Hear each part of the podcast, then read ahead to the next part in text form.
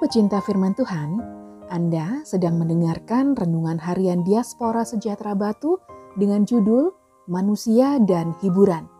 Bacaannya dari Kejadian 5 ayat 28 sampai 32. Setelah lama hidup 182 tahun, ia memperanakkan seorang anak laki-laki dan memberi nama Nuh kepadanya. Katanya, anak ini akan memberi kepada kita penghiburan dalam pekerjaan kita yang penuh susah payah di tanah yang telah terkutuk oleh Tuhan. Dan Lameh masih hidup 595 tahun setelah ia memperanakan Nuh, dan ia memperanakan anak-anak lelaki dan perempuan. Jadi Lameh mencapai umur 777 tahun, lalu ia mati. Setelah Nuh berumur 500 tahun, ia memperanakan Sem, Ham, dan Yafet.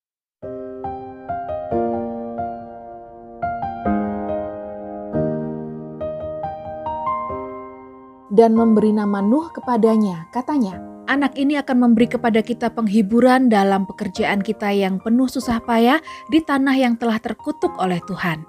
Kejadian 5 ayat 29. Hiburan adalah suatu bentuk kegiatan yang menarik perhatian dan memberi kesenangan. Hiburan bisa berupa ide atau tugas, tetapi lebih cenderung menjadi salah satu kegiatan atau peristiwa yang telah berkembang selama ribuan tahun. Manusia butuh hiburan agar hatinya gembira dan lepas dari tekanan-tekanan dalam pekerjaan, kehidupan, dan sebagainya. Di dalam Alkitab, Lameh merupakan manusia yang diperhitungkan Allah dan mendapatkan gelar sebagai anak-anak Allah, meskipun dia juga mengalami tekanan dalam mempertahankan hidup di bumi yang terkutuk. Oleh karena itu Lameh memberikan nama Nuh kepada anaknya. Nuh artinya adalah penghiburan. Arti nama ini menunjukkan pernyataan iman dari orang tua Nuh bahwa dia mengharapkan putranya menjadi suatu penghiburan, rehat karena tanah yang terkutuk. Pada akhirnya Allah memakai Nuh untuk mengerjakan programnya dan harapan Lameh pun terwujud.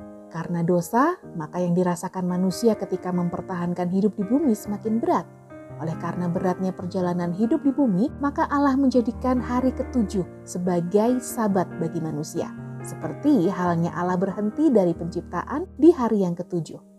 Perintah ini di zaman Musa baru ditata dan menjadi hukum resmi bagi bangsa Israel. Beristirahat adalah kebutuhan bagi manusia. Oleh karena itu, hendaklah kita bisa mengatur waktu dengan baik supaya dengan tubuh dan pikiran yang segar kita dapat kembali melayani Tuhan setelah beristirahat. Ketika Allah pada hari ketujuh telah menyelesaikan pekerjaan yang dibuatnya itu, berhentilah ia pada hari ketujuh dari segala pekerjaan yang telah dibuatnya itu.